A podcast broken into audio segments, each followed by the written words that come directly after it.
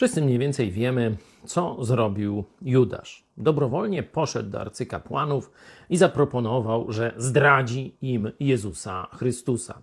Potem stanął na czele zgrai, która miała pojmać Jezusa i w taki jeszcze zdradziecki sposób, pocałunkiem wskazał im e, tego, który jest Chrystusem.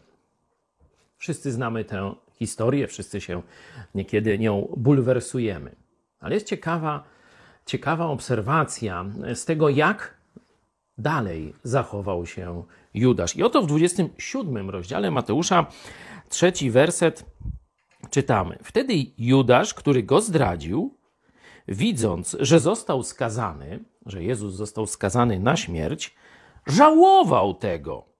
Zwrócił 30 srebrników arcykapłanom oraz starszym, starszym i rzekł: Zgrzeszyłem, gdyż wydałem krew niewinną.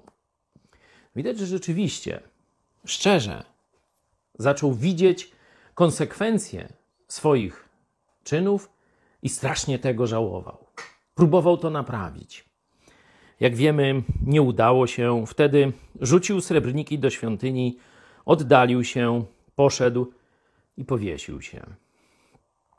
Zobaczcie, to się dzieje w ciągu może nawet kilkudziesięciu minut, te zmiany, może kilku godzin co najwyżej. Jak to się stało, że ten człowiek najpierw go zdradza, Jezusa, a potem żałuje i z żalu się wiesza? Odpowiedź ja znajduję w tym, że kiedy chciał popełnić te czyny, kiedy był w ich trakcie, nie widział konsekwencji swoich działań. Jezus powiedział, że był pod wpływem diabła. To diabeł chce, żebyś nie myślał o konsekwencji swoich czynów. Kiedy już je zrobisz, kiedy na naprawę będzie za późno, wtedy będziesz żałował, a szatan będzie się z ciebie śmiał.